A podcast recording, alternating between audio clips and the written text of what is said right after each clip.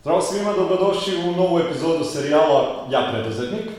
Danas smo u gostima kod jedne e, zaista izvanredne dame, koja je prošle godine e, dobila jednu onako jako značajnu nagradu. Naime, e, Udruženje poslovnih žena Srbije već dugi niz godina dodeljuje nagradu Žena Zmaj. Prošle godine su za 20 godina svog postojanja od svih dotadašnjih e, dobitnica izabrali jednu koju su nazvali Zmaj nad zmajevima. Pa e, naša današnja gošća je taj zmaj, odnosno zmajica nad zmajevima, dama čija e, je preduzetnička karijera onako zaista, mislim, jedan divan primer toga kako uspeti u Srbiji kao preduzetnik, kako stvoriti jednu ogromnu firmu, reći ću samo danas da njena firma broji više od hiljadu zaposlenih i zaista mi je veliko zadovoljstvo da vam predstavim gospođu Ljiljanu Karapajić. Ljiljo, e, dobar dan. Dobar dan. E, hvala ti na gostoprimstvu ovde kod tebe u firmi, hvala ti na odvojenom vremenu za nas i da ti poželim dobrodošlicu u naš serijal. Hvala i vama puno, ja hoću da se zahvalim da ste i vi našli vremena i da se zahvalim na ovako lepom, lepoj najavi. Prosto kad čujem to iz vaših usta, meni se učini da je to stvarno nešto veliko. Priznanje jeste veliko naravno, ali e, ja ga ne doživljavam na takav način. Prosto to je sve došlo samo od sebe i sa mojim dugogodišnjim radom. Ja sam u preduzetničkim vodama skoro od 2003. godine. Mm -hmm. I to je već dugi niz godina gde se bavim aktivno razvojem, a pogotovo pre svega razvojem svoje kompanije. Pre ove kompanije sam radila u jednoj kompaniji kao menadžer gde smo od pet zaposlenih došli do 505 i gde se po kompanija prodala stranom vlasniku. Na nagovor svojih zaposlenih ja sam ovaj, otvorila novu firmu i u tom periodu sa mnom je krenulo nekih 160 ljudi. Faktički, ti ljudi koji su te 2008. godine krenuli sa mnom u biznisu, krenuli grlom uz jagode, mm -hmm. samo verujući u način i sistem koji ću ja napraviti da će to uspeti da funkcioniše na pravi način. Evo, posle 10 godina mi imamo jednu uspešnu kompaniju i mogu spravo reći da smo i lideri na tržištu u svojoj branši. Mi se inače bavimo ekspresnom dostavom pošiljaka i to je kurirska služba poznatija kao Daily Express, odnosno UPD, tačnije D ili Daily Express kao, kao što nas svi znaju. I za taj period smo uspeli da napravimo brend i da velikom broju, velikom broju klijenata pružamo uslugu za 24 sata. Ako treba da kažem kako sam to uspela, um, opet, opet kažem pre svega zahvaljujući svim mojim zaposlenim radnicima, zahvaljujući njihovom poverenju i angažovanju i zahvaljujući opšte volji svih zaposlenih da postignemo taj cilj. A, znajući te godine kada smo kretali 2008. ispostavilo se da je počela svetska ekonomska kriza uh mhm. -huh. i to je još jedna dodatna težina u kojoj smo, kroz koju smo prošli. A e, pored toga smo imali jako, jako veliku konkurenciju u tom periodu. Kada kažem veliku, to su bili puno stranih kompanija koje sada više nisu prisutni a, iz ove branše. I ja sam morala postaviti e, firmu na osnovama koji će da prevaziđe, odnosno bolje reći koji će da pruži kvalitetnu uslugu i koji će da prevaziđe sve same strane kompanije. Da bi to uradila, ja sam pre svega se odlučila da uvedem najkvalitetnije softvere, softvere koji su priznati međunarodni u svetu, tako da kada sam počinjala, ja sam odmah krenula sa Navision, Microsoftovim Navision programom koji je tada koštao xx novaca. U tom periodu sam ja to mogla uraditi sa bilo kojim drugim softverom koji košta na tržištu 2 do 3 hiljade eura. Naravno, malo druže sam videla i e, kupovinom tog softvera smo obezbedili da poslujemo po svim standardima i pravilima. Ja za sebe mogu da kažem da ne treba da mi stanu na crtu bilo ko od kompanija koji je nekada imao neko crno poslovanje i koji je nekada imao nešto, e sada smo mi radili malo crno, pa smo to prešli u PS, pa smo imali, ajmo da kažemo, neko prilagođavanje. Ja ne kažem da ništa loše protiv toga, možda je to na neki način i neka prednost u nekim situacijama u tim početnim godinama rada, ali ja nisam imala te sreće, niti sam ikada radila bilo šta, nego smo uvek radili u PS-u, baš iz razloga velike konkurencije i svega ostalog. I što prosto svi ti softveri koje smo mi uh, primenili u našoj zemlji, a strani su softveri, su zahtevali takvo poslovanje. To je bila dodatna težina za nas, ali smo se nekako izborili. Svetska ekonomska kriza koja nas je zadesila je doprinela da mi um, drugačije gledamo na biznis. Faktički, moja svaka godina je nekako krizna godina mm -hmm. i navikla sam u tim uslovima krize da radim i to prosto mi postaje normalno. Tako da, eto, to je neki početni period i početni razvoj i e, moja odluka da krenem u privatni biznis. Hvala, izvini što te prekidam, samo htio bih da te vratim. Dakle, ti si e, pre ove kompanije radila za jednu kompaniju, htio bih samo da se vratimo još jednu stepenicu pre.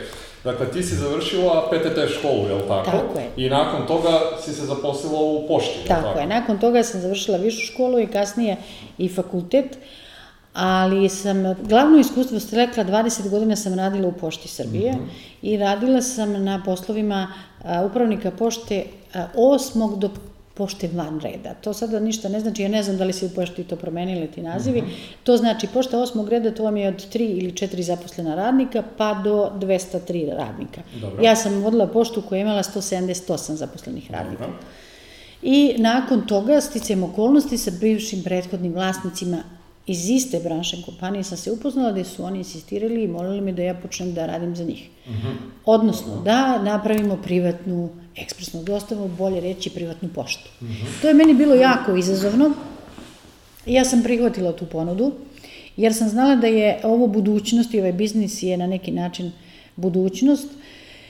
I um, odlučila sam se da se oprobam u privatnim vodama. Uh -huh onog momenta kada sam ja prešla u tu kompaniju, to su bili a, ljudi koji apsolutno nisu imali nikakvog iskustva niti znanja vezano uh -huh. za mhm. poštansku delatnost i ja sam morala da to krenem od početka. Za sebe mogu reći da sam začetnik ekspresne kurirske službe u Srbiji, jer sve ono što sam ja postavila tamo neke 2003. godine, otprilike danas konkurencija i dalje primenjuje na, po mhm. istim principima radi.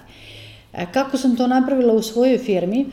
Tako što sam mnoge stvari unapredila, prebacila najveći, najveći deo poslovanja sa podrškom IT infrastrukture, znači izbacila papir i olovku i postavili neki sistem koji uopšte nije bio poznat u Srbiji u to vreme. U periodu kada smo mi počinjeli da radimo, mi smo počinjeli da radimo online sistemu i bili smo jedini Ako kažem da ni internet mreža nije funkcionisala da. na svim nivoima kako treba, a ja sam se opredelila da radimo preko mobilnih uređaja koji rade preko GPRS-a, znači prenos podataka i dokumentacije vezom, mobilnom vezom i naš glavni partner u tome je bio Telenor od prvog dana. Kako smo se mi razvijali, odnosno kako smo mi razvijali našu mrežu, tako je se i Telenor razvijao, pa mogu s pravom reći da smo prvi koji su Telenoru govorili, e vidite tamo nemate prijema, Aha. dajte postavite repetitor. Naša srećna okolnost da je Telenor kompanija takva koja je razvijala mrežu i da je njima poprilično bilo stalo da ta mreža mhm. funkcioniše na pravi način, ali smo mi bili prvi pravi korisnici e, takve vrste prenosa podataka i na taj način smo danas i ostali i postali lideri. Faktički dokazalo se u praksi da kada ulažete u IT infrastrukturu i kada poslujete na savremen način, da to dođe a, ovaj, do rezultata i donose dodatne benefite. Uh mhm. -huh. Dodatne benefite što se tiče same e, samih klijenata koji koriste naše usluge i daje mogućnost širenju i e, drugom načinu poslovanja. Mi možemo s pravom da kažemo da imamo potpuno isti sistem i vrste usluga kao što to imaju velike kompanije u svetu, misleći na DHL, UPS, FedEx, uh -huh. TNT, kako to upravo rade u Nemačkoj i Francuskoj. Obzirom da su Francuzi Uh, Francuska je zemlja koja je izmislila poštu, oni su osnivači pošte. Uh mhm. -huh. Oni su prvi osnovali poštu i faktički zvanični službeni jezik je uvek bio ranije u svetu, pa i dan danas francuski, premda se to ne zna. Znači, uh, možemo slobodno reći da mi smo na nivou razvoja kao što su to uh mhm. -huh. Francuzi. E sad zanima me, ti, ti si znači iz pošte došla, e, bila si direktor... E, da, ja sam bila zamenik direktora. To je i, trajalo koliko? Pet, pet godina, godina. pet mm -hmm. godina, da. A, imala sam sreću da a, e, vlasnici sa kojima sam radila su mi dali apsolutno potpunu slobodu u razvoju kompanije. Njihov cilj je bio da oni, oni su imali samo ideju koju su doneli iz Hrvatske uh -huh. i to su ljudi koji, e, jedan od vlasnika je čovek koji je izbegao iz Hrvatske u onoj 90. godina e, bežeći od, od rata i svega i ovde su došli trbuhom za kruhom. Uh -huh. A, u e, Hrvatskoj u to vreme su postojale -huh. kurijske službe i onda su oni imali ideju i onda su samo tražili kako će to ovde da napravi, da naprave i na koji način. Nisu imali nikakva predznanja, nikakva iskustva. Onog trenutka kada su mene upoznali, dogovorali smo se da me puste da ja to radim na način kako uh -huh. treba i da će oni za pet godina imati kompaniju koja je i tekako vredela uh -huh. i od koje oni danas jako dobro žive, uh -huh. kompanija je prodata. Oni su prodali e, firmu strancima, je li tako? Tako je. Tako je. E, I ti... Ja sam u to vreme u toj u firmi bila um, jedno vreme zamenik direktora kada je došao novi menadžment, a onda sam bila direktor prodaje. Uh, sve skupa sam od prodaje ostala nekih ne manje od, nešto manje od godinu dana.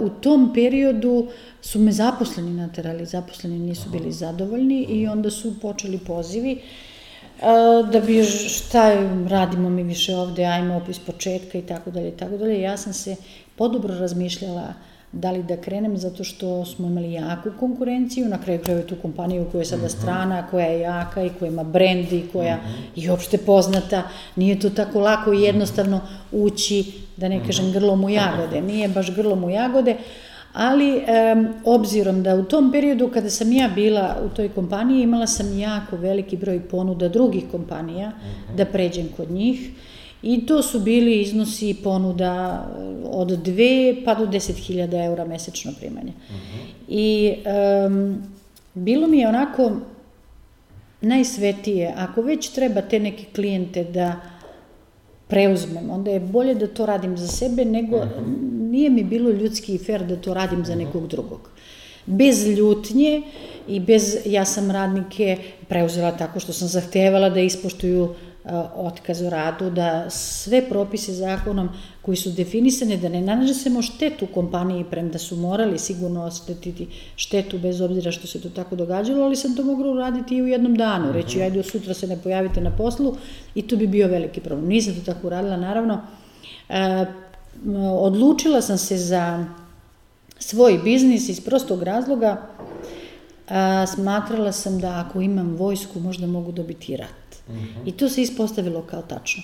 Znate, najveći kapital su ljudi. -huh. I ako imate adekvatnu radnu snagu i ako imate adekvatan kadar u koga ulažete, a, možete dobiti neke benefite. Mhm. -huh. Reci mi, e, u tom trenutku, znači ti si provela 20 godina u pošti, 5 godina si provela u toj firmi. Tako je. I krećeš u preduzetničke vode, iako si, eto sad si spomenula, imala ponude da nastaviš da budeš zaposlena za jako lepe Tako. plate ovde u Srbiji, ne samo i u Srbiji.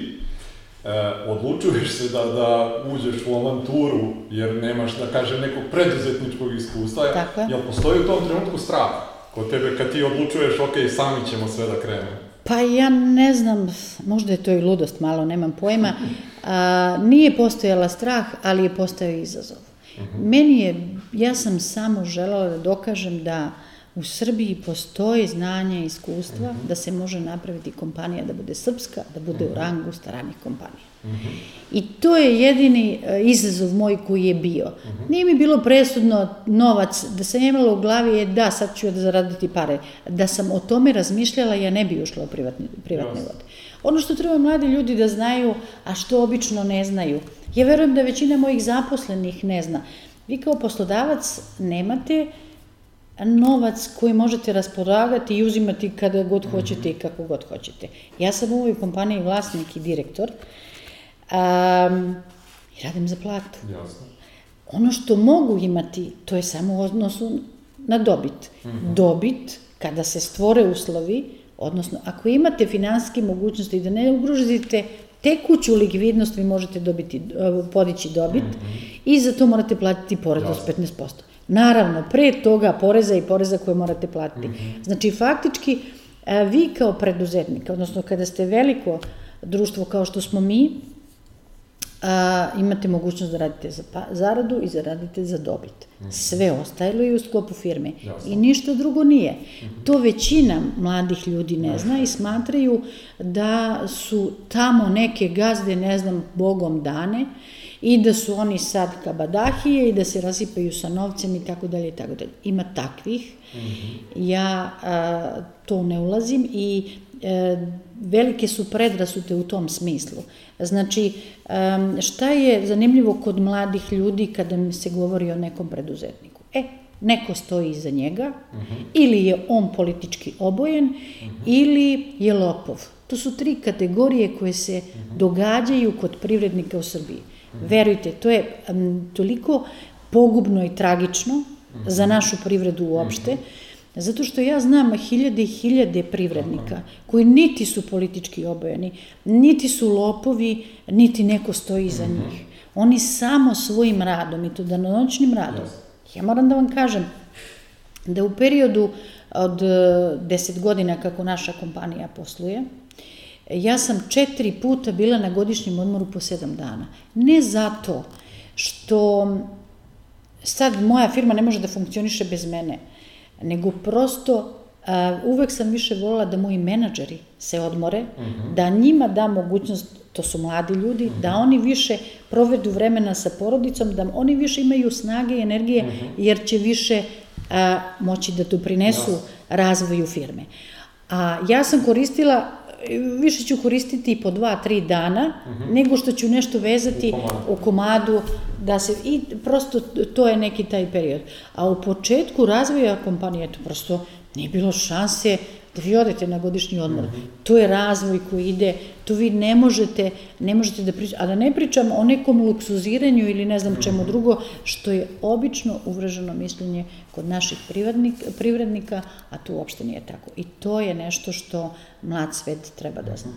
E, Drago mi baš što si to spomenula, generalno meni je isto jedan od ciljeva serijala da, da prikažemo te ljude koji su uspeli da naprave uspešne biznise bez ikakvih veza, bez ikakvih kriminalnih radnji, bez ičega toga što si ti spomenula, a što je na neki način ovde jako prisutno generalno e, kod nas i dalje, kad kažeš da si privatnik ili preduzetnik, to nekako ima automatski negativnu konotaciju. A Tako je. ove države, e, ja mislim da ne bi ni bilo da ne postoje svi Tako ti je. preduzetnici kojih je mnogo više od ovih koje si ti spomenula, koji su napravili to tako i činjenica je da i oni postoje, ali nažalost onako e, su stavljeni u zapećak svi ti dobri primeri i ljudi nemaju gde ni da ih vide i uopšte meni je jedan od ciljeva zaista bio da prikažemo ljude kao što si ti i gosti koje smo imali i koje ćemo imati u serijalu, koji su sve to uspeli da naprave svojim radom, trudom, zalaganjem, znanjem i koji su se na kraju krajeva odlučivali da preuzmu neki rizik kao što si ti uradila da bi danas stvorila sve ovo što, što imaš. Ono što me sad zanima, znači e, imala si e, 25 godina, da tako, dobro, ne svih 25, ali jako veliki e, broj godina menadžerskog iskustva gde si u pošti radila, gde si bila onda nakon toga i direktor u ovoj firmi, sad si direktor u svojoj firmi, a, međutim imaš i verovatno neke druge obaveze od kojima kad si bila samo zaposlena nisi morala da, zamiš, e, da razmišljaš. Šta je to što ti u tom početku bilo možda na stvari koje su ti bili najveći izazovi na samom početku pokretanja svoje firme, a što recimo do tad u tom trenutku možda nisi razmišljala o svemu tome?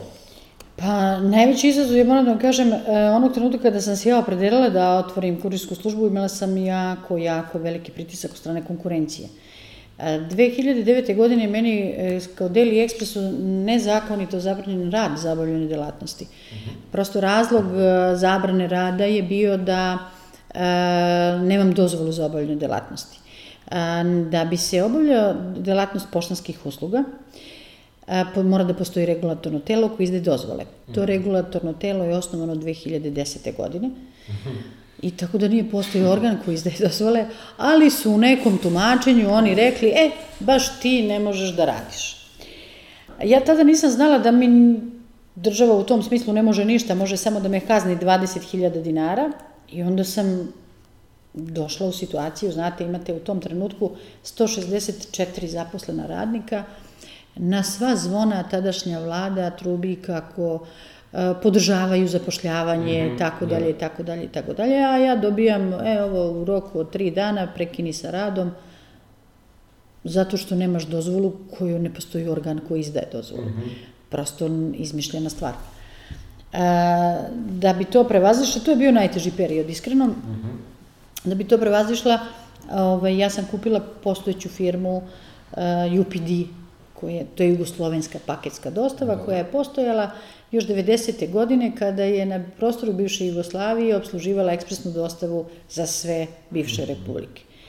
I rat 90-ih je presekao, ostala je samo ispostava u Subotici, tako da sam ja tog vlasnika poznavala i on je baš bio pred penzijom i zove me, kaže, ja Ljiljo, svi me nešto zovu, svi ostali su naravno bili pored mene kolateral, to danas znam, tada to nisam znala.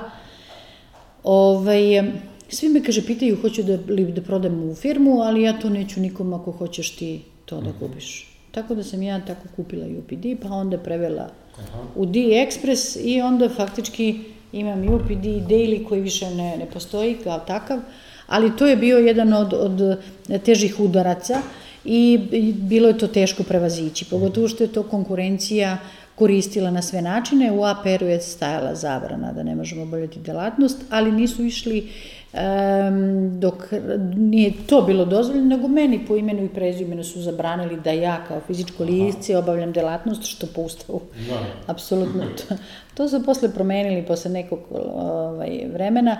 E, moji advokati, naravno, mi smo dobili i presudu Vrhovnog suda da je to sve besmisleno, ali prošlo vreme, Da, znate, da, pa ma biznis ide vas, biznis Jasno. ne čeka, to su stvari gde vas ukoče i tekako.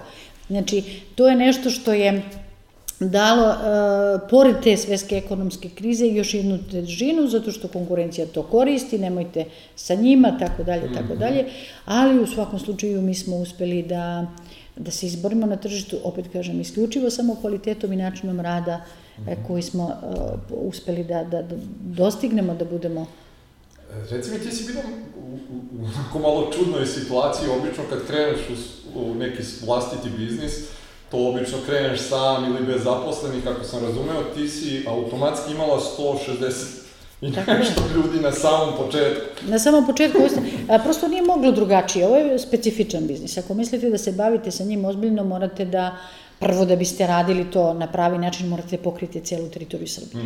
To ni, nije ni malo lako, ni malo jednostavno. Ja sam e, počela e, septembra meseca 2008. godine, gde smo samo obsluživali teritoriju Beograda.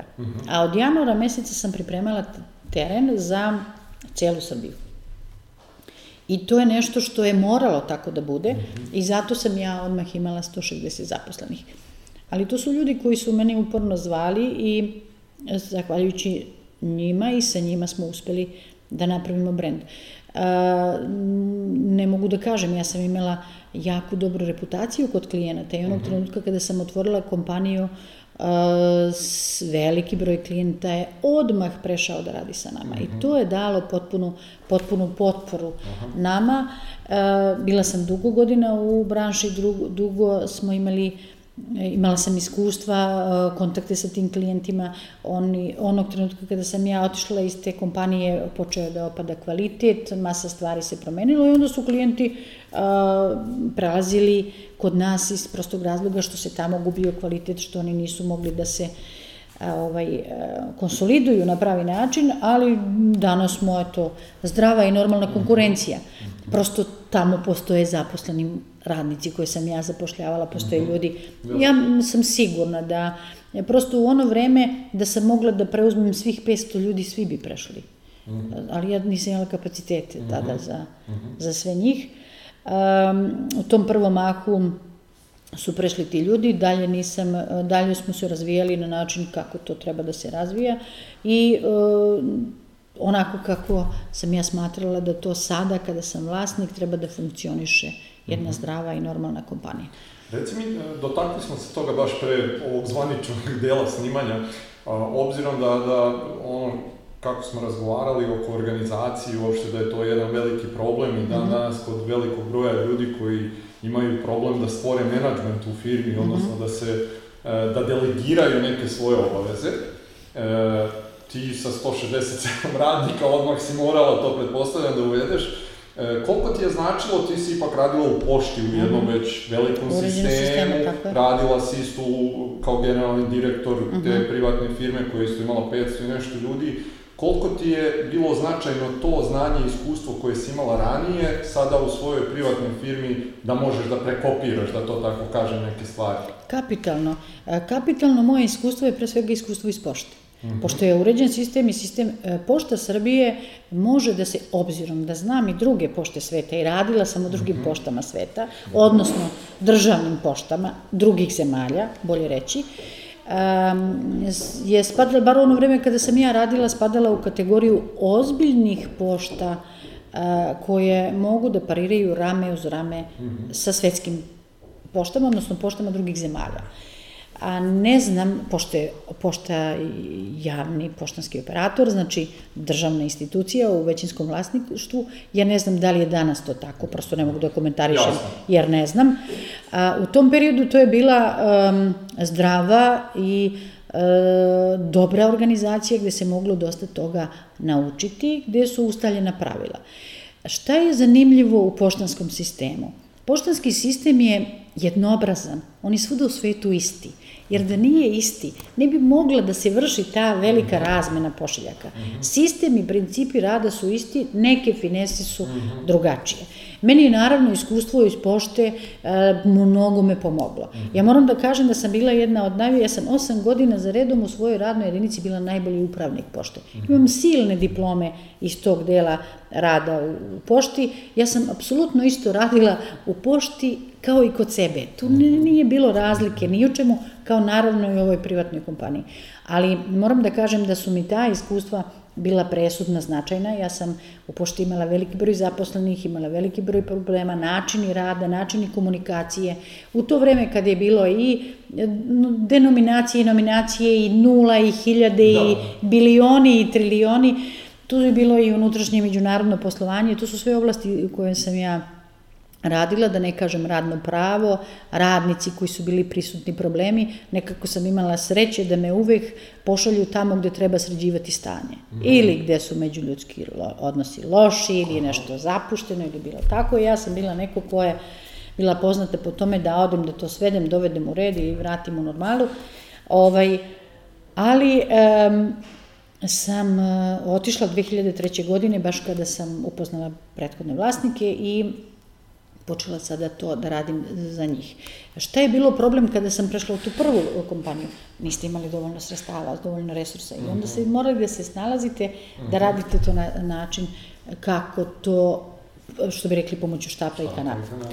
U svojoj kompaniji um, sam to znala od prvog dana. Ja sam znala kako to treba da izgleda i u prethodnoj, ali je to mnogo drugačije kada to sami krenete i um, to iskustvo i jedno i drugo mi je mnogo, mnogo značilo da bi postavila to na prave mm -hmm. noge. I to je preduslov. Znači, znanje je nešto što je preduslov da vi uopšte uđete u biznis. Mm -hmm. Pogotovo znanje iz oblasti kojim se sve vreme bavite. Mm -hmm. Ja ukupno imam sada 37 godina radnog staža. Mm -hmm. Isključivo u poštanskoj delatnosti. Mm -hmm. Znači, od početka, što bi rekli, onako rođeni poštar. I um, sve ono što je u pošti manjkalo, ja sam prenela promenila to ovde. Mhm. Sve ono što u privatnoj službi ovamo vezano kada razmišljate o klijentima, načinu rada, načinu, opet sam prilagodila i primenila na način kako to treba da izgleda u jednoj kompaniji. Um, ja moram da kažem da sam to iskustvo mi je pomoglo da, da napravim, napravim organizaciju i postavku takvu da mi smo kompanija koja uvela standarde, e, ali ne da kažem standarde svi znamo da danas u Srbiji kao što se sve moglo kupiti, pa može se kupiti da. i standard. E pa baš iz tog razloga ja nisam standard tela da kupujem od nekih, ovaj, da kažem, organizacija u Srbiji, nego sam tražila standarde ISO 9001 da to radi Quality Austrija. A, I da se to bude sertifikovano u Austriji, i da to dođu nezavisne tela, nezavisne a, ovaj, organizacije koje će, gde ćemo mi uvesti standard. Kada sam napravila postavku, napravila organizaciju strukturu, napravila sva pravila ponašanja, sve procedure, svaki detalj vezano za svaki segment poslovanja. Kad kažem procedure od, od kurira, od operatora, od administratora, znači za svako radno mesto, I onda sam to što sam napravila htela da sertifikujem. Uh mhm. -huh. Znači, da se to, taj proces sertifikuje, da kada vi imate novog menadžera ili novog radnika, da vi nemate problem da on dođe pročite proceduru i možda no. sedne da radi. Prosto, zato se i uvodi standard, zato, to je olakšica u nekom radu, da prosto i mojim budućim generacijama i mojim budućim menadžima olakšam u radu. I tako smo mi napravili uveli standarde ISO 9001 preko Quality Austrija i moram da kažem da smo uh, 2017. godine ili 18. više se ne sjećamo tih silnih nagrada, dobili nagradu od strane Quality Austrija, da je direktno iz Veča došao njihov general menadžer da nam čestita, jer smo jedna od redkih kompanija u Srbiji koja apsolutno primenjuje standard. Uh mhm. -huh. Da je bukvalno to po onako, po procedurama, po načinu, da od redkih gdje smo dobili nagradu, možete i pogledati koja je ja sam baš na tu nagradu ponosna. Moram da kažem da su moje čerke završile uh, FON, Fakultet organizacijnih mm -hmm. nauka i to baš smer upravljanja kvalitetom i mm -hmm. to je njihova oblast i prosto sam ja njih ubacila da kažem gospode, ovo izvolite, ajde da vidimo, da primenite malo, malo ta vaša mm -hmm. znanja sa tog fakulteta, pa da vidimo da mhm. standardizujemo sve procese. Mm -hmm. I uh, presrećena sa te strane i to je mnogo me olakšalo i obrzalo i naš rad i naše neke procese. Drugi standard koji smo uvili to je ISO 27001 koji nam je takođe neophodan iz prostog razloga što imamo veliku IT infrastrukturu, kad kažem veliku, naš svaki kuri radi sa PD uređima, nemamo papira i olovke, razlikujemo se od drugih, od drugih po mnogo čemu. Ako poređenje radi, mogu da kažem da, na primjer, um, u softveru koji mi radimo obradu faktura, kod nas radi jedan zaposleni, E, preko 20.000 imamo registrovanih pravnih lica sa kojima je obavljeno, to je negde oko 15-20.000 mesečno faktura. To knjiženje traje 30 minuta i to radi jedan čovek, a u konkurenciji radi između 15 i 20 ljudi mm -hmm. i to traje jedno 4-5 dana. Eto, mhm. tu je razlika mm -hmm. u svemu tome što sam ja ovaj, želela da napredim i poboljšam. I um, nekako mi je ovaj, uvek bila želja da mogu da rukovodim kompanijom bilo gde sa bilo kog mesta. Uh -huh. I eto, danas stvarno mogu da radim, ne samo danas, nego već od prvog dana. Preko mobilnog telefona masu stvari pratite. Jasno. Da ne kažem da bilanse stanja, bilanse uspeha imam na dnevnom nivou. Izveštavanja svakakvih vrsta, u smislu koliko paketa, koliko pošiljaka, koliko kilometara, koliko goriva i tako dalje i tako dalje i tako dalje. To su sve stvari koje prosto jedan menadžer mora da ima da bi mogao uopšte rukovoditi sa firmom. Mm -hmm. E, reci mi, zanima me sad e, neko tvoje iskustvo što se tiče odabira ljudi sa kojima ćeš da radiš, odnosno da budu deo tvog tima. Mm -hmm. Pretpostavljam, možda u stvari ne znam da li se i dalje baviš tim, pretpostavljam da si u tim nekim početcima i kas, odnosno ranije dok si bila u pošti možda imala neke takve zadatke. Zanima me šta je to kad recimo dođe neko kod tebe i sedneš da razgovaraš sa njim, e, šta gledaš u toj osobi, u koje osobine i šta odlučuje da li će on postati deo tvog tima ili ne? Ja moram da kažem da u zadnje tri godine uopšte ne obavljam razgovore sa svojim Dobro, zaposlenima, a, ovaj, ali sam to radila a, u periodu dok sam bila u prethodnoj kompaniji. Mm -hmm. I sve je zavislo od toga od mene koga ću i kako ću zaposliti. Um, ne mogu da kažem, otprilike sam tačno znala, mogla osetiti, pogotovo kada su menadžerske funkcije u mhm. pitanju. Tu nisam mogla nikada pogrešiti. Mogla sam pogrešiti kod niže kategorije, ali ovde je, um, pre svega to, um, a ako gledamo obrazovanje, obrazovanje je u Srbiji, nažalost, mnogo degradirano. Danas diplomu fakulteta možete imati bilo kog. Mm -hmm. I da se uopšte ne laže. Mm -hmm. I da li je ta diploma fakulteta validna ili nije, to je opet veliko znak pitanja. A, opet da kod tih mladih ljudi da očekujete neko radno iskustvo, bar u periodu kada sam ja bila, tu bio, niko od njih nije imao bilo kog radnog iskustva na menadžerskim -hmm. pozicijama, a ja sam ih odabrala za svoje menadžere jer sam prihvatila da ih ja obučavam da oni postanu jednog dana menadžeri. E, najbitnija osobina kod tih ljudi um, koje sam ja gledala da imaju, a to je pozitivan stav i odnos prema životu. To je jedna od ključnih stvari, jer vi ako imate osobu koja je, ima negativan stav, ne valja mu ovo, ne, ne, to je večita negativnost. I prosto ja nisam nikada mogla da radim sa takvim ljudima. A ovaj, ljudi koji imaju pozitivan stav, makoliko bilo teško, i e, koji lako prevazilaze situacije, i to kroz pozitivne efekte, to je nešto što može dati rezultate. I vi takvog čoveka možete da pripremate i da obučavate da on postane jednog dana menadžer. Ja moram da kažem, kad sam počinjala da radim, znači imala sam momke koji nisu imali dana iskustva, većinom su tek završili fakultete, um, i e, konkurencija govorila Ljilja hoće da sa nekom decom napravi firmu. E pa ta deca je danas tasala u vrsni menadžer. Ja sam njima rekla, vi mene morate slušati i pratiti me da biste jednog dana postali vrsni menadžeri. E, ja sam sigurna da ti moji ljudi, kada bi bilo gde želeli danas da počnu da rade u nekim drugim kompanijama, da bi imali širom otvorena vrata i imali podobre uslove a, na tim novim pozicijama. Kao što sam sigurna da me nikada neće ostaviti dok sam ja tu. Mm -hmm. E, na neki način ti se trudiš da budeš i mentor njima, da ih... Tako, ja sam sve vreme bila mentor njima mm -hmm. i danas imam taj jedan dečko je sasta, stasao od zamenika direktora, jedan mm -hmm. je od direktora logistike, jedan je od direktora prodaje. Mm -hmm. masa menadžera po Srbiji koji su, moram da kažem da u periodu kada smo mi počinjeli da radimo, svi ti moji menadžeri po Srbiji, niko od njih nije znao da pošalje mail. Uh mhm. -huh. Cela komunikacija se zasnivala na mobilnom telefonu. Uh mhm. -huh. I to je trebalo izneti i naučiti ih mhm. -huh. i vratiti ih u neke vode i onog trenutka kada sam ja dočekala da e, komunikacija se zasnivala telefonom, to je bilo sve. Nikako da ih vratim u te vode i kada sam dočekala da menadžer meni kaže jaoj, ako možeš molim napiši mi na mail da to ne zaboravim. E tad sam znala da sam uspela.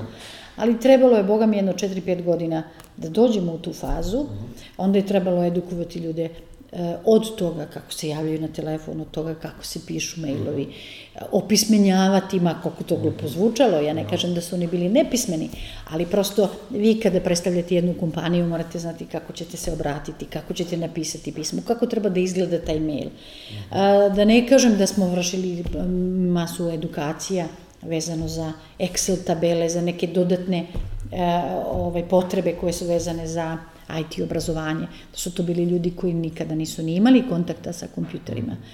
A, ali danas su oni vrsni menadžeri, danas oni vrlo dobro predstavljaju kompaniju, trebalo ih je naučiti kako na svojim zonama obsluživati ljude, na koji način. Znači, to su sve neke stvari koje trebalo proći sa tim ljudima da bi da bi mi dobili efekat. Mi dan danas, mi ovde u prostoru imamo učionicu, mi je zovemo kao učionica, ali u edukacijni centar gde obučavamo svakog naše zaposlenog. Mm -hmm. Napravili smo, više mi je bilo muka od tih obuka vezano priče, nego smo napravili video obuke za mhm. svaki segment i onda svako dođe, to se prođe, prati se. imamo konsultantsku kuću koja se bavi kadrovima i koja nam vrši i odabir, i edukacije i, i rad sada sa, sa zaposlenima, jer je to već onako velika mašinerija Jasne. koju treba ispratiti. Reci mi, za svo ovo vreme, jesi ti imala nekoga kome si možda mogla da se obratiš za neki savet ili tako nešto kad si bila možda u nekoj sumnji? Pa, nažalost, nisam. Mm -hmm. Jedini savjeti koje sam ja a, mogla da dobijem, to je od jedne moje prijateljice koja je inače revizor, i to vezano za finansijski deo. Mm -hmm. U nekim segmentima gde sam ja imala dilemu. Hvala Bogu, pa sam kroz iskustvo imala mm -hmm. mogućnost, dosta toga iz ekonomije sam znala, dosta o knjiženju, dosta o, o radnom pravu, Znači, to su sve stvari, da ne kažemo poštanskoj delatnosti, to je već Jasno, materija... to, to ti je već bilo u krvi, tako, tako, tako to, je, to je već u malom prstu, ali ovi drugi segmenti, e, sad u nekoj dilemi, tu sam uvek e, volila da se posavetujem, po, posećivala sam masu seminara, Dobro. Um, pokušavala sam, znači tamo gde znam da mi nešto nije poznato, da, mm -hmm. da mhm. probam da, da naučim, da saznam kako bi to izgledalo, znači najviše iz tog finansijskog dela um, gde je mene upotpunilo i kao ja mogu da kažem da nemam e, direktno finansijskog direktora u firmi, ali taj deo obavljam ja. Uh -huh. A, I to je nešto što sam naučila vremenom. Uh -huh. A, naučila vremenom, možda je nekad koštalo. Uh -huh. Mislim da nije, dobre sam poteze vukla. Ovaj, I to je nešto što, što mi je unapredilo znanje i što mi je doprinelo. Znači, a nisam imala nekoga da kažem ja, da li, kako bi ti ovako, prosto nije bilo u okruženju da ja nekoga pitam i to bi mi mnogo i mnogo značilo u tom periodu ali nije postojalo tako. No. Tako nešto nije postojalo. Ja se danas trudim kada me neko pita od tih mlađih kako, šta je, na što da obrati pažnju. Je to prosto te neke stvari, neke smernice koje... Da, koje ti nisi imala da mlađim da, generacijama da, omogućiš. Da, da. Reci mi, e, znači, dotakli smo se to tih nekih početnih e, godina firme. Mhm. -huh. Šta smatraš da su bili neki ključni trenuci ili možda neke tvoje ključne odluke koje si donela da su doprinele tome da, da firma ima neke e, prelaze, da tako kažem, na sledeći nivo rasta u, u, u prethodnim godinama? Pa ključne su odluke da sam, to je odluka da sam samo ulagala u razvoj. Mhm. Isključivo u razvoj, ja nisam osoba koja je kupovala i stanove, ni kuće, ni mhm. zdidela vikendice, ni kupovala kola ništa. Mhm. Živim tamo gde sam živela i pre 20-30 godina u istom stanu, ništa to, ali se odnos u našoj kompaniji promenio. Znači, naša kompanija je jedna ozbiljna, ozbiljna kompanija. Mi imamo najsavremeniji sortir za automatsko sortiranje paketa. Mi imamo najsavremenije uređaje, način rada, softvere sa kojima radimo, IT infrastrukturu. Uložili smo u ovaj prostor, mi u ovom logističkom centru imamo 14 hektara, gde mhm. ovde razvijemo, gde imamo prostora da se budućno, da se razvija kompanija i na drugačiji način. Um, uvek smo išli korak unapred pa razvijali nove usluge, tako da nas konkurencija u mnogim segmentima prati i faktički mi smo jedan od pokretača u ovoj branši gde smo inovirali niz stvari da bi nas dalje konkurencija a, sustigla. Ono što m, mm, ja smatram da konkurencija uvek treba da postoji i u Srbiji je ona neophodna, ali svi to treba da shvate. Ne konkurencija koja će spuštati cene, nego konkurencije koja će se boriti kvalitetom uh mhm. -huh. i boriti se novim uslugama. Uh mhm. -huh. Spuštanje cena nikome ništa ne doprinosi. Uh mhm. -huh. Znači, do, dolazi do, do mnogih stvari koji nisu realne i nisu normalne u svetu biznisa. Znači, samo je bitno da konkurencija postoji, zdrava konkurencija, jako je bitno da svi privrednici, većina privrednika shvate e, pojam države, da porezi i doprinosi se ne plaćaju zato što neko njih mrzi, nego prosto zato što a, mi ne bi mogli da postojimo ako nemamo državu. Država je nešto što je usko vezano za nas. Ne govorim o vlasti i ne govorim o vladama, ne govorim o e, osobama koje predstavljaju u ovom momentu državu. To ljudi u Srbiji nekako ne shvataju. Znate, država, kao što sam ja menadžer u ovoj kompaniji, tako je neki čovek tamo menadžer na čelu države. I to tako treba da se gleda. Ali država kao država treba da funkcioniše i treba da postoji. Da bismo mi imali, da bi moji zaposleni radnici sutra kada se razbole da imaju adekvatan tretman, da imamo zaštitu tog policajca ako on treba da, da postoji i tako dalje i tako dalje. Znači, e, mora da se proveni svest u, u, u privredi a, samih privrednika, onih ljudi koji misle da započnu biznis. Ne treba da razmišljaju o tome, e, kako ću ja da prevarim državu, ili kako je moguće, ima mnogo privrednika koji kaže, ja ne mogu da poslujem da radim ako ne radim na crno. Pa nije tačno. Može, nešto u toj karici njegovog poslovanja fali. Znači, nešto fali. Ili on biznis nije shvatio na pravi način, Ili on biznis shvatio, e da, sad ću je s firme malo oduzmem da kupim kola, pa ću malo oduzmem da idem na more, pa ću malo oduzmem, e pa to nije biznis. E pa to nije firma. To je nešto što je sasvim, sasvim drugačije. Znači, ako postavite procese rada na pravi način i ako funkcionišete kako privredno društvo funkcioniše, mi apsolutno isto funkcionišemo kao Pošta Srbije. Samo što Pošta Srbije ima 15.000 zaposlenih, -hmm. a mi imamo 1000. Mm -hmm. I to je odnos snaga i to je u redu. -hmm. Znači, ali što se tiče pravila, načina rada, organizacije, Čak u nekim stvarima smo mnogo napredniji. E, reci mi kad se osvrneš ti sad ovako, evo, deset godina, je tako skoro? Da, u ovom biznisu. E, šta smatraš možda nekom svojom najvećom greškom koju si napravila? Uf, verovatno ih je bilo mnogo. Ko zna koliko. Kao i kod svakog preduzetnika. Da. da. Ovaj, a, sigurno bilo tih grešaka. on- One se na svu sreću nisu odražavale tako da su tako velike i, i ovaj, da, da utiču neposredno na, na razvoj firme, ali sigurno je mnogo grešaka, pa mislim, pa ne znam. Ja znam da bude mnogo brbljiva, pa verovatno ispriča nešto što ne treba. E onda, št- evo, sad sam se sjetila jedne velike greške. U periodu kada sam ja bila menadžer u toj prethodnoj kompaniji, tadašnji general menadžer me pitao kako da a, predupredimo konkurenciju. Ja sam mu rekla tu rupu u zakonu sa kojim su oni meni posle zabrali. Eto, to je jedna od grešaka. Nekad je bolje Prede- držati jezik za zubima, da? Eto, recimo, jedna od jako velikih grešaka. Prvo da nije urodila plodom, ali i meni mnogo, mnogo muke e, nanela, nanela u radu. Eto, to je nešto što...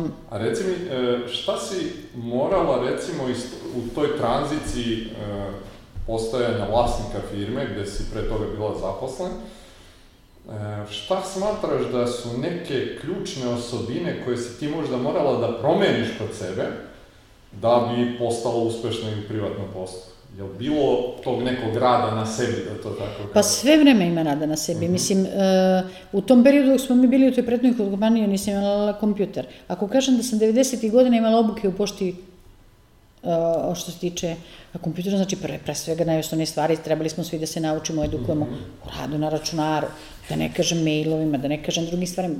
Sve sam ja to imala u pošti peške. Umesto računara imala sam pisaću mašinu, mi smo kasnije dobili računare i tako dalje i tako dalje. A, ono što um, je moja srećna okolnost bila, je u prethodnoj kompaniji u kojoj sam bila, ja sam se bukvalno ponašala kao vlasnik. Moji vlasnici većinom nisu bili tu. Kada smo radili anketu zaposlenih u tom periodu i kada postavljeno bilo pitanje ko je vlasnik firme, 95% radnika je napisalo da sam ja vlasnik firme, a ja uopšte nisam bila vlasnik firme. E, hoću da kažem, um, bilo je dosta toga gde sam ja morala stvari koje sam morala naučiti, koje sam morala promeniti. Um, da ne kažem da je bila mnogo, mnogo veća odgovornost. Znate, odgovornost u kom smislu? Vi ste sada neko koji mora obezbediti plate za te ljude. Vi morate doneti posao. Vi se morate brinuti o tim zaposlenima. Znači, imate dodatni balans, dodatni teret e, koji možda nekome ne znači ništa, ali meni je sve. Znači, ja ne mogu um, nijedan dan da završim svoj, a da se ne setim svog radnika. Ili čak to ne dozvoljavam ni svoje deci i uvek im kažem, vi se uvek setite za koju tamo platu radi taj neki radnik. Premda kod nas uopšte nisu male plate. A, na, naše su početne plate tu 40.000 dinara, ali imamo kurire koji idu i do 70, 80 u zavisnosti koliko rade. Ovde su samo pravila drugačija. Znači, isti je sistem. Vi ako radite, vi ćete zaraditi. Ako ne radite, a, šta je još karakteristično kod mladog sveta u Srbiji? Svi bi da odu u inostranstvo. I tamo je med i mleko. Hvala Bogu, imamo puno koji su otišli pa se puno vrate. I to je najbolja stvar. Takve želim odmah da primim, jer ta njihova iskustva prenesu i na ostale zaposlene. Ne mogu da shvatim čoveka, mladog čoveka koji ode u inostranstvo i tamo radi dva ili tri posla. I to je u redu. I on tamo zarađuje, jel tako? A zašto ne radi u Beogradu dva ili tri posla? Mi svakom omogućavamo ovde u Beogradu da ima dodatni rad i to je dodatno plaćeno. Znači, dva posla, on je radio negde do dva sata, pa je otišao, odmorio možda sat vremena, pa je na drugo mesto i on faktički u tom nekom inostranstvu ima ne znam koliko radnog vremena u toku dana, faktički nema odmora, nema ničega i ne zaradio neke pare. Ne razmišljajući o svim ostalim stvarima koje nije imao i tako dalje i tako dalje. Znači, ja sam sigurna da u Srbiji, pogotovo danas, ima i tekako prostora da ljudi mogu da zarade, samo ko hoće da radi. Radne navike kod mladih ljudi su jako loše i jednostavno ne žele ne žele da rade ili se u svesti mladih ljudi ostalo još iz nekog perioda da a, podrazumeva se da on treba za dve, tri godine da zaradi novac. Pa ja radim evo 37 godina pa nisam zaradila neke velike pare. Znači, živim normalno kao svi ostali, znači novac se ne zarađuje preko noći, on ne može da dođe i ne može da dođe od nerada. Preko noći se možda može nešto zaraditi i ne znam kako, to neću da ulazim, ali ako mislite ozbiljno da radite i da poslujete na ovim prostorima, nema zarade preko noći i nema novca bez rada. Znači, rad je osnovno pravilo. Pored rada, morate uvek da budete spremni da se nadograđujete i da učite. Jer mnogo stvari se menja. Jasno. Znate, da ne kažem zakonove, morate pratiti sve zakone. Svaki privrednik mora da zna hiljade zakona, jer bar neki se tiče njegovog dela.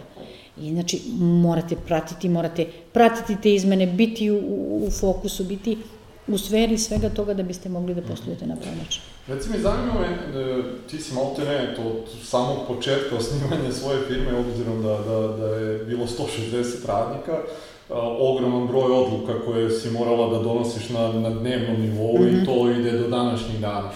Postoji li neki proces kojim se ti rukovodiš kad treba da doneseš neke odluke? Jel to možda ide uh, više na intuiciju ili imaš sama neki svoj sistem kad treba da doneseš neku važnu odluku? Kako to izgleda? Pa evo kako, mi od prvog dana i do dana današnjeg nikada nismo počinjali godinu, a da nemamo uređen biznis plan i da nemamo budžet. Uh -huh. To su dve osnovne stvari i to je pravilo koje postoji od samog početka. E, na osnovu toga se i ponašamo. Ono što je moja prednost, da u svim tim planovima, u svoj toj situaciji ja mogu mnogo e, dobro da isprojektujem i da znam šta će se dogoditi. I za razliku od drugih kolega nešto mogu unapred da predvidim. I tu je moja prednost. Na osnovu tih nekih iskustvenih stvari ja mogu u trenutku da donesem odluku i da kažem, e da, to nećemo tako, nego ćemo ići na drugi način. Ono što moram da kažem, mi smo razvijali naš softver koji sam inicijator, pre svega ja bila, idejni tvorac tog celog softvera sa kojim mi radimo. Imala sam iskustva, naravno i u pošti sam razvijala mnoge softvere i unapređivala poslovanje, jer sam bila jedna od nosioca predlagača za neke stvari koje bi se promenile. Um, a, ta, to iskustvo i to poznavanje procesa, da biste bili dobar menadžer, vi morate da znate e, proces od početka do kraja. Šta to znači od početka do kraja? Od onog trenutka kada se kada je kurir uzeo jedan paket, uh mhm. -huh. do onog momenta kada je on u financijama prošao uplatu. Znači, ceo taj put od tog preuzimanja do tog dela kada ste to uplatilo na račun, taj tok mora da bude uvezan. Uh -huh. I kada vi u tim segmentima znate svaki deo, uh -huh. lako vam je to uvezati. Uh -huh. Ja ne, ne mogu da kažem da sam u svom poslu imala neku težinu pa da kažem da, sad je meni teško i nije naš biznis takav da sad ja moram u trenutku donositi neke odluke, et sad ćemo to ovako. To je, e, to je, na primjer, karakteristično kod lekara. Mislim, Dobro, da. oni u tom trenutku moraju da reaguju. Promenilo se stanje, kako ja to gledam. Dok je naš biznis takav da, ako imamo uređen sistem, kakve oscilacije mogu biti, mogu imamo veći broj paketa pa ne može da stane sve u, u transport koji trenutno imamo. Znači, treba se prilagoditi na vreme, dobiti na vreme informaciju, prilagoditi se toj situaciji, to su neke stvari gde može da se reaguje. Druga stvar a, je situacija kada smo, nije tajna da je nama veliki broj 2017. i 18. godine zaposlenih odlazio, odlazio pre svega u inostranstvo, jer vozača na tržištu jako no, malo ima. No. I trebao je to prevazići. Mhm. -huh. I onda u tim trenucima trebate doneti mhm. -huh. odluku na pravi način da to ne bude bolno. E, da. to su, e, tu, tu ja stupam na scenu u smislu iskustva i šta je to što treba da se uradi. Mhm. -huh. I tu su uvek ti potezi bili ispravni i pravi na način kako treba. Uh -huh. ovaj, tako da, eto, tu se ogleda to iskustvo koje dobije na ceni. Kako se nosiš sa tim pritiskom koji onda dolaze te odluke? Tebi sad e, firma ima hiljadu i nešto ljudi, znači hiljadu i nešto porodica, zavisi na neki način od tebe i celokupne tvoje organizacije. Kako se nosiš sa tim pritiskom? Pa normalno. Mislim, nemam ja tu...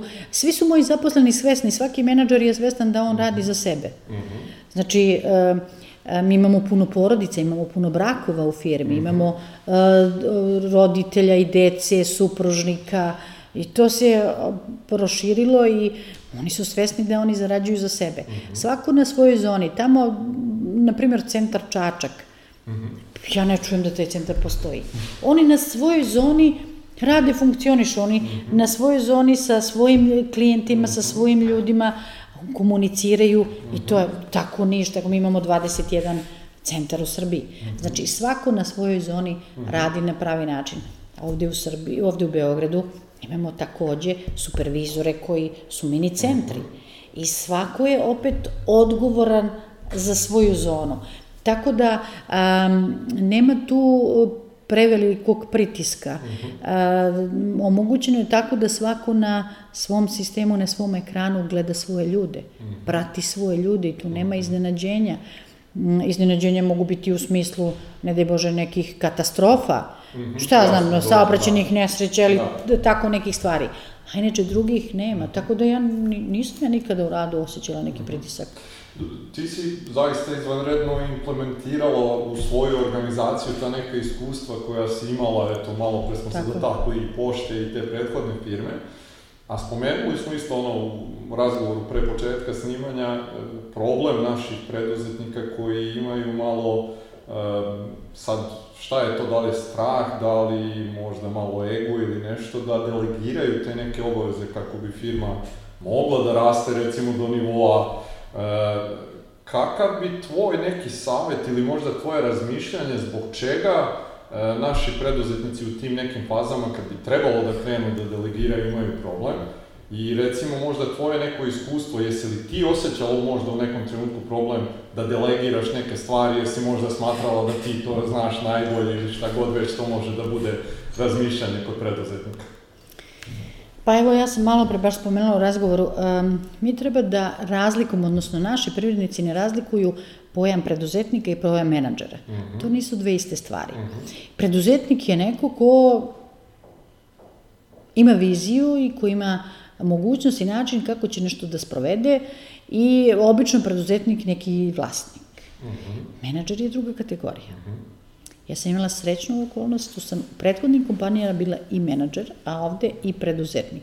Sva sreća imam i jedne i druge osobine, pa sam to lakše mogla da...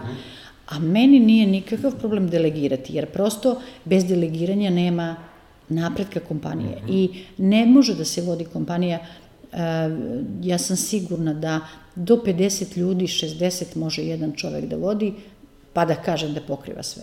I to je pitanje da, li može. Koliko je to efikasno? Koliko je to efikasno? A znači, a, u svakom slučaju, a, mora da postoji menadžment i mora da postoji organizacija koja će to sve da podnese.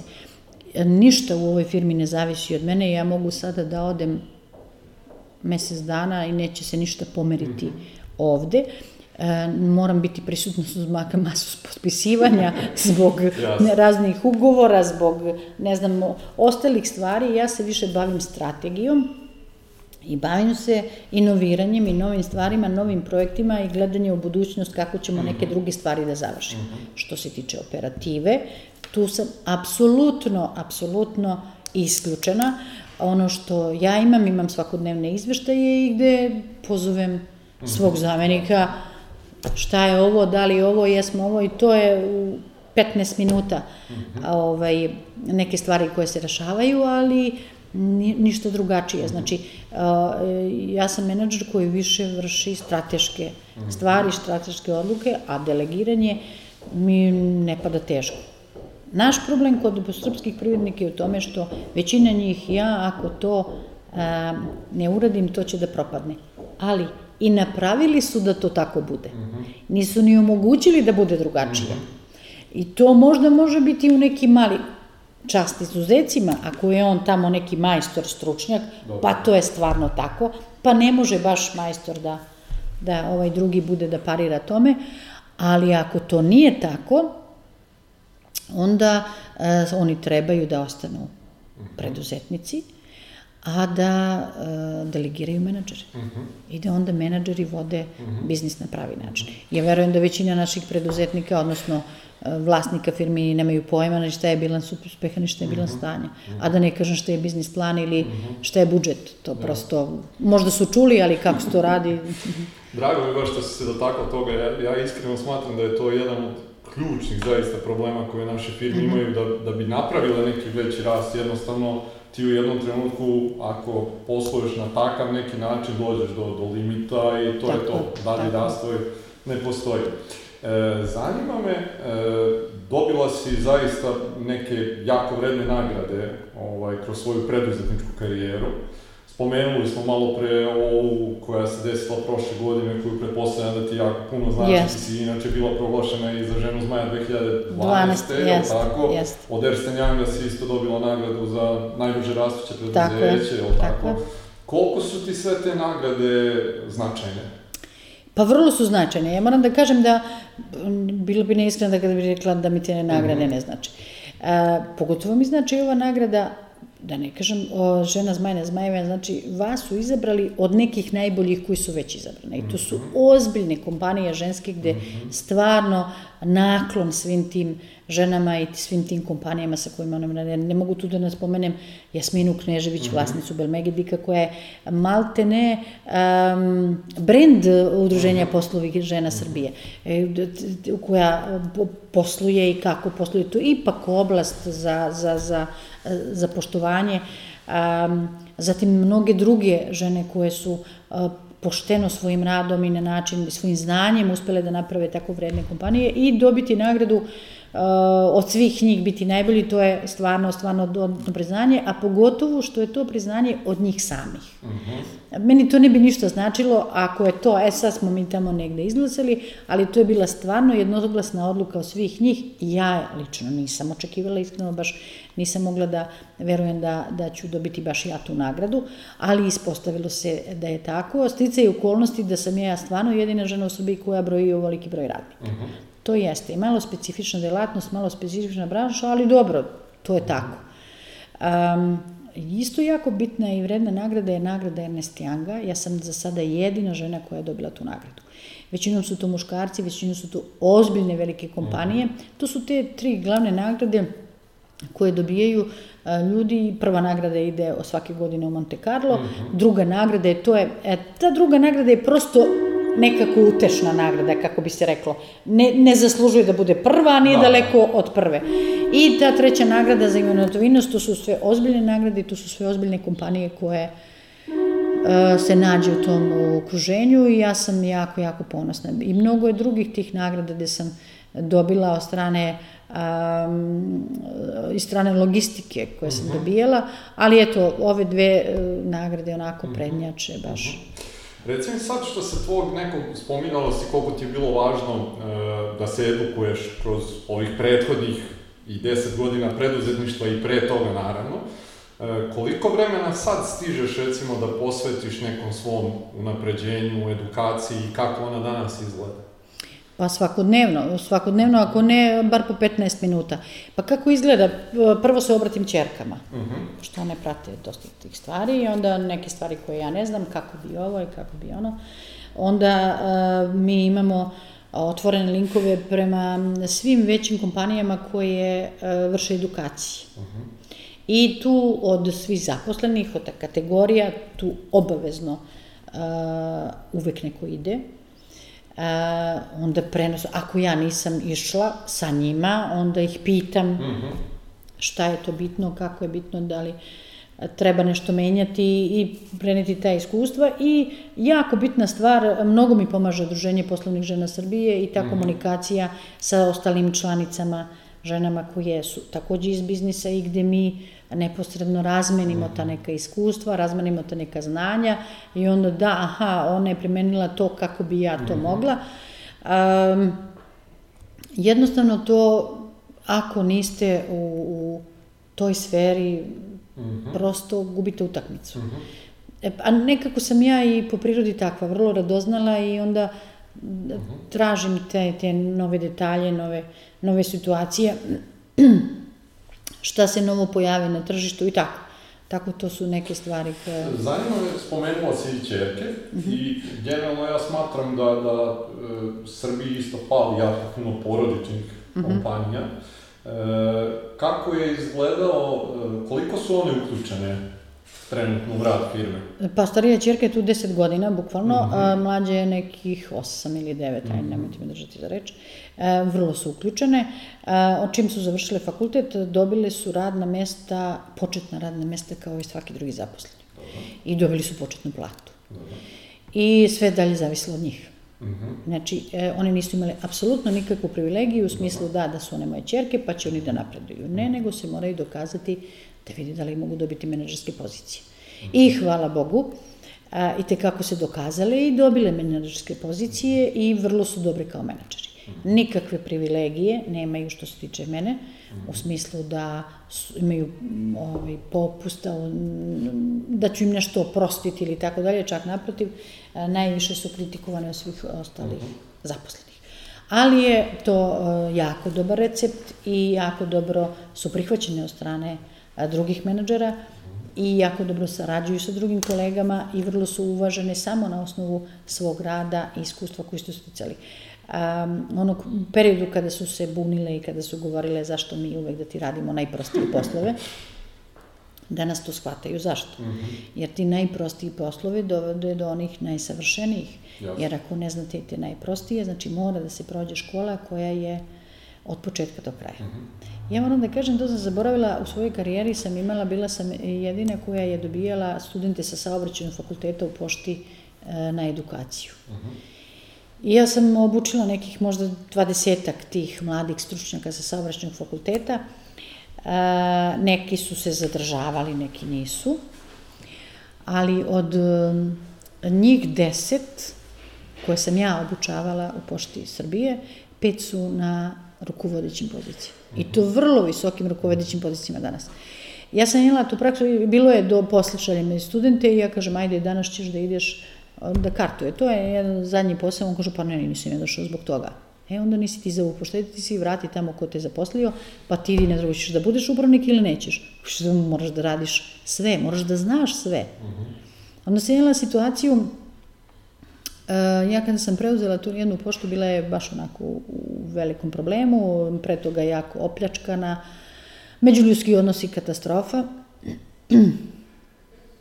I uh, ja sam uh, došla, sagledala, tri dana sam samo šetala po pošti, razgledala, gledala šta i kako i četvrti dana sam rekla, moja vrata od kancelarije će biti uvek otvorena. Bili su nekako iza šaltra sale otvorena, da pošto sam primetila da puno je ranije, ja sam se već i raspitala, da je tu bilo jako velikog ugovaranja, pa svi kod upravnici, pa znate, svuda ide tako. I onda da ne bi bilo takvih stvari, je, moja su vrata ovo otvorena, nikad neće biti zatvorena. U tom slučaju ne može niko nikog dogovara, jel tako? Mm -hmm. I onda ja mogu trezveno da donosim prave odluke. Mm -hmm. Da sagledam onako kako treba da se sagleda, a ne da nešto procenjujem na osnovu nečijeg mišljenja i na osnovu nečijeg rekla kazala.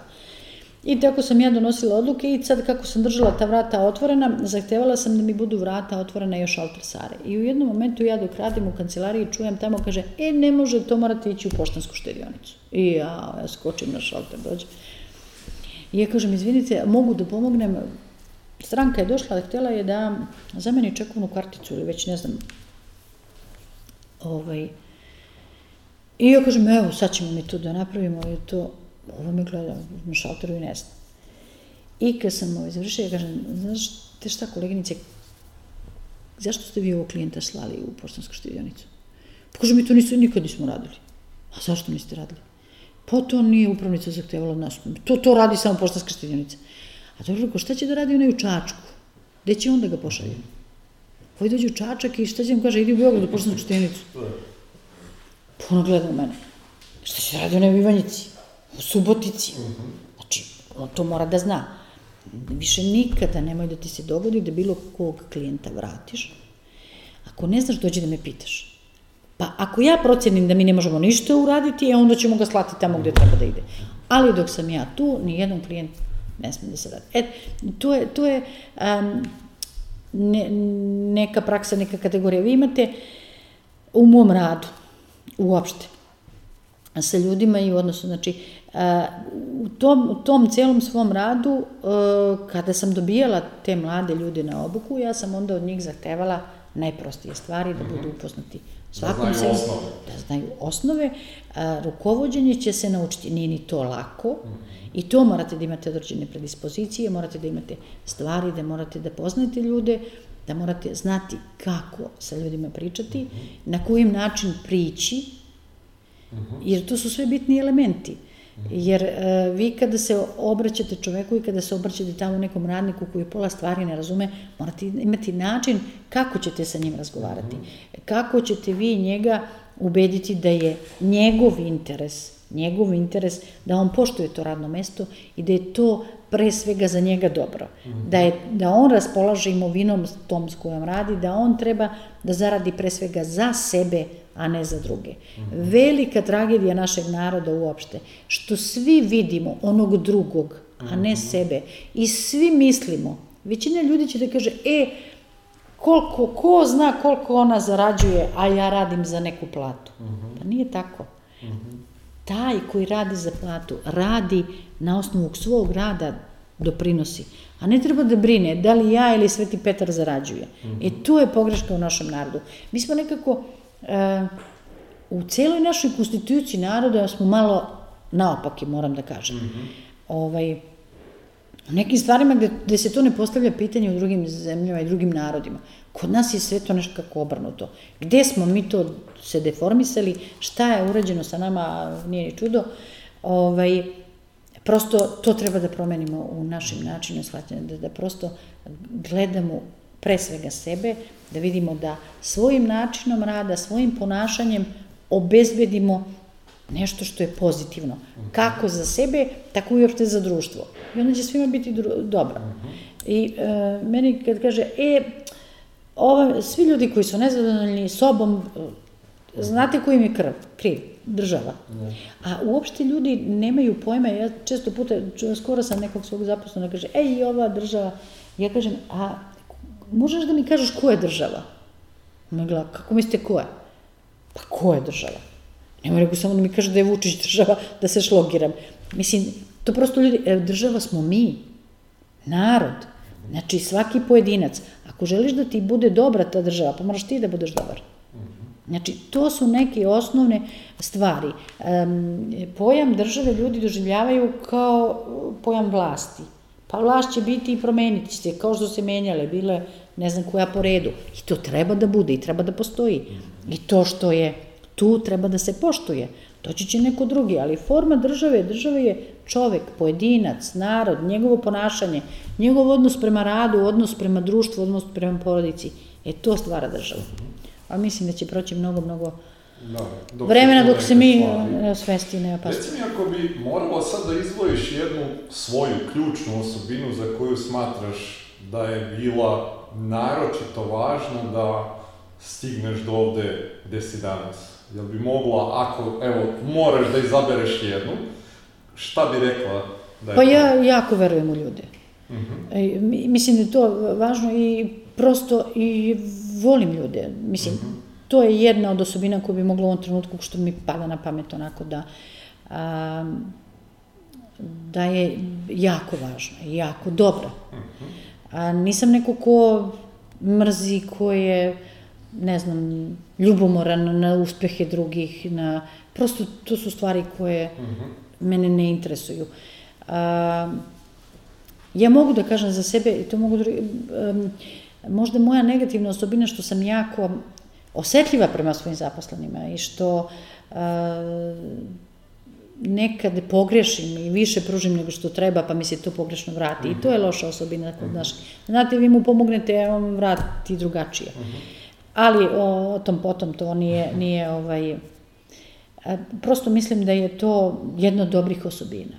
Trebate da, da volite ljude, da verujete u ljude, pre svega da verujete i naravno osobina da verujem u sebe. Uh -huh. Ja sam uvek verovala u sebe i nijednog trenutka se nisam, nisam postavljala pitanje da li ću ja uspeti. To prosto nije bilo u mom, mojoj sferi uh -huh. razmišljanja. Moja sfera razmišljanja je uvek bila kako, uh -huh. na koji način, kojim putem. Uh -huh. To su moje razmišljanja, a to da li ću, to nisam. Nikad se nije dovodilo. Tako je. Recimo, htio da se dotaknemo malo, obzirom da je emisija namenjena i, i ljudima koji su tu negde da počnu ili su možda tek započeli svoj privatan biznis, neke savete koje bi im ti dala u ovom trenutku? Pa evo, prva stvar koju mi je rekla da ne ulaze u biznis koji ne poznaju. To je osnovna stvar. Mislim da možda ima, mogu ući ukoliko imaju pored sebe menadžer ili osobu koji vrlo dobro poznaje tu branšu. To su dve ključne stvari. Znači, druga, druga stvar da znaju da se uspeh ne do, postiže preko noći.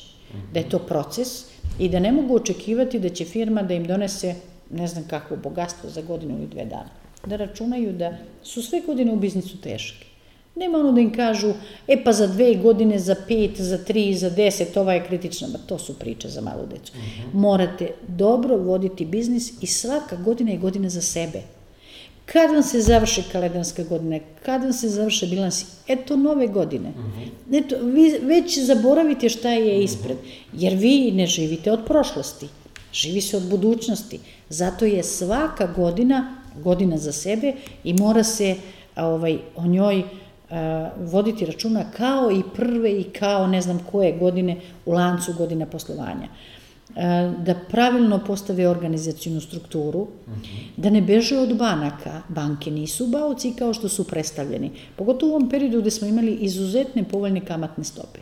Nema razvoja privrede bez podrške banaka. Ako mislite da razvijate biznis tako što ćete od svojih sredstava od, ulagati ili izdvajati na pogrešnom ste putu. Jer nikada nećete moći toliko da izdvojite da biste unapredili biznis kakav on treba da prati tržište. To prosto nije spojivo. Znači morate biti spremni da imate dobre konekcije sa bankama. A da biste imali dobre konekcije sa bankama, znači morate imati dobre bilansi. Dobri bilansi se stvaraju samo tako, već sam na početku rekla, na način da poslujete privredno. Da poslujete, da biznis postavljate na standardima koji to stvarno zavređuju, a ne nešto presipanje iz šupljege prazno. I da shvatite da tu firmu koju imate, da to nije bunar iz koga se vadi novac, nego to je firma koja treba da se razvija. Vi od te firme možete imati samo platu i dobit ako je ostvarite. I ništa više. Ne može da se letuje, ne može da se zimuje, ne može da se provodi, da se prave žurke, da se izvlači novac. To nije biznis. To jeste nešto, ja ne znam kako bi ga nazvala, ali a, to nije to. I da ne pohrle, prvo što urade, do prvog novca kada dođu, oni kupe, ne znam, BMW, ne znam, ku ovaj, ku onaj, to takođe nije biznis.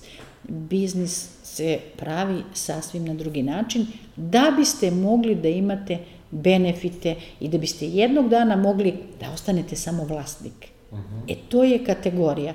Ostati samo vlasnik znači vi više niste u obavezi da sedite u firmi, niste u obavezi da dolazite tu, a vaša firma posluje. Znači, delegirali ste, imate menadžere, imate kvalitetno osoblje koje to može da nosi i vi čekate dobit na kraju godine koliko možete da zaraditi. Znači, to su osnovne stvari, da, i da a, se reše predrasuda. Da nije tačno da treba da imaju leđa, da nije tačno da treba da budu politički opredeljeni i to nikada nemoj da rade. To je prosto, biznis i politika ne treba da idu zajedno. To su dve odvojene stvari, ko se u to upleo, nikad dobro nije prošao. I um, poslednja stvar, da se promeni e, kategorija da više privrednik u Srbiji nije lopov. E to je, to su osnovne stvari. Znači, e, neko, kad a za sve to je potreban rad. Znači da su spremni na odricanje, da su spremni da, ali opet treba da ih ohrabri to i da se zaposle u bilo koju kompaniju, ozbiljnu kompaniju, oni će morati ozbiljno da rade. Znači, ozbiljno da provode radno vreme, ozbiljno da se angažuju, bit će u nekoj kompaniji, znači samo taj isti rad da pretoče u svoj biznis. Ali isto ozbiljno da se ponašaju, ozbiljno da rade i ozbiljno da se žrtvuju. I to je ogromna razlika, jednog dana će imati benefite. Prosto rečeno, bolje je da imate kredit za svoj stan, je li tako, a nego da plaćate kiriju. Isto ovo.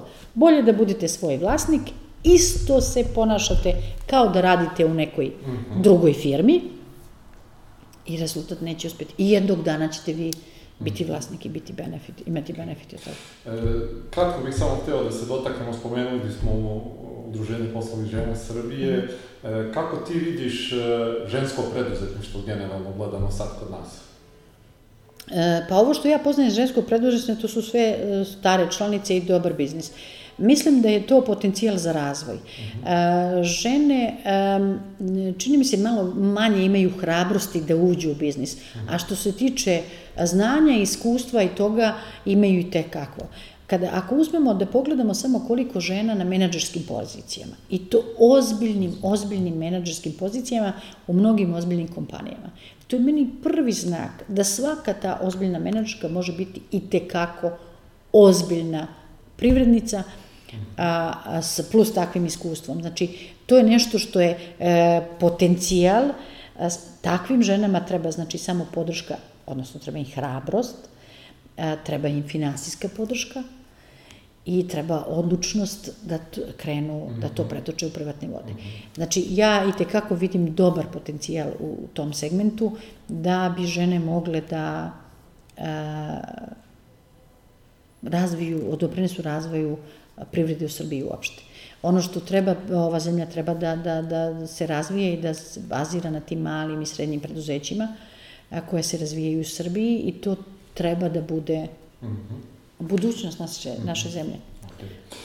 E, Vidio, pitanje sa kojim završavamo sve mm -hmm. naše razgovore. Da imaš priliku da se vratiš u 2008. Rekla mm -hmm. si da nisi imala mentora.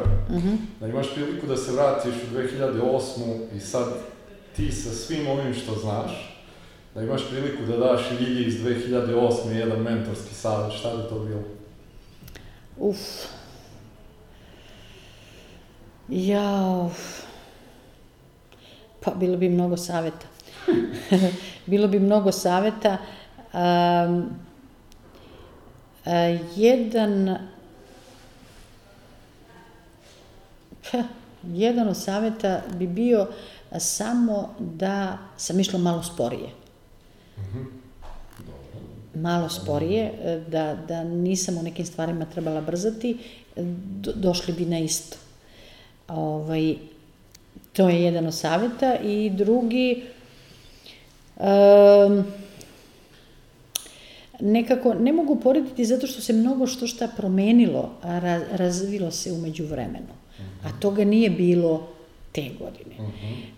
Tako da ne bi mogla da primenim, znači, neke, govorim pre svega o IT opremi, nešto što tada uopšte nije infrastrukturi, što tada nije postojalo ni, ni na pomolu, danas ga ima. Pa prosto ne bi ni mogla, sve nekako vreme to, to vuče, ovaj, um, možda bi mogla sporije, rekla bi po savjet koji bi posavjetovala to zabranili rad da se ne osvrćem na takvu stvar, eto, na primjer, to bi rekla da ne pridajem značaju apsolutno, da nastavim dalje i kao što su svi drugi nastavili, ali to prosto kad nemate iskustva... Dobro. Da. Zato te pitam za da. savjet, jer će možda nekome ko nas gleda značiti. Tako je. Jo, hvala ti puno na odvojnom vremenu. E, šest meseci smo pokušavali da dogovorimo ovaj intervju. Ja uspešno izbjegavala. ovaj, e, eto, upornost e, se isplati. se isplati, naravno. E, hvala ti puno na, na, na svim ovim savjetima koje si podelila sa, sa nama danas. Želim ti da, e, izuzetno mi je drago što imamo priliku da predstavimo ovakve naše firme za, za koje e, dosta ljudi možda i ne zna. Ok, tvoja firma je malo specifična, pa mm -hmm. veliki broj ljudi zna za nju, ali ja mislim da možda e, veliki broj ljudi ne zna koliko ste vi u stvari velika firma, koliko da. ste velikih stvari uradili ovde da ako ja ne grešim, da možda samo još jedna žena u Evropi je vlasnica Jeste. Znači, samo vas dve u celoj Evropi ste vlasnice e, kurirskih ovaj, službi i zaista mi je zadovoljstvo da, da smo imali priliku da, da e, ljudi koji nas prate i vide da imamo ovakve firme, da mogu da se ugledaju na njih, da mogu da se ugledaju na tebe i zaista se nadam da, da ćemo u budućnosti imati prilike da čujemo još mnogo lepih ovaj, e, vesti vezanih za tvoju kompaniju. Hvala i vama, drago mi da ste bili ovde kod nas, da smo mogli da vas ugostimo i da vidite sve ovo o čemu pričam. Okay. Hvala i vama što ste proveli ovo vreme sa nama i vidimo se ponovo sledeće nedelje. Prijatno!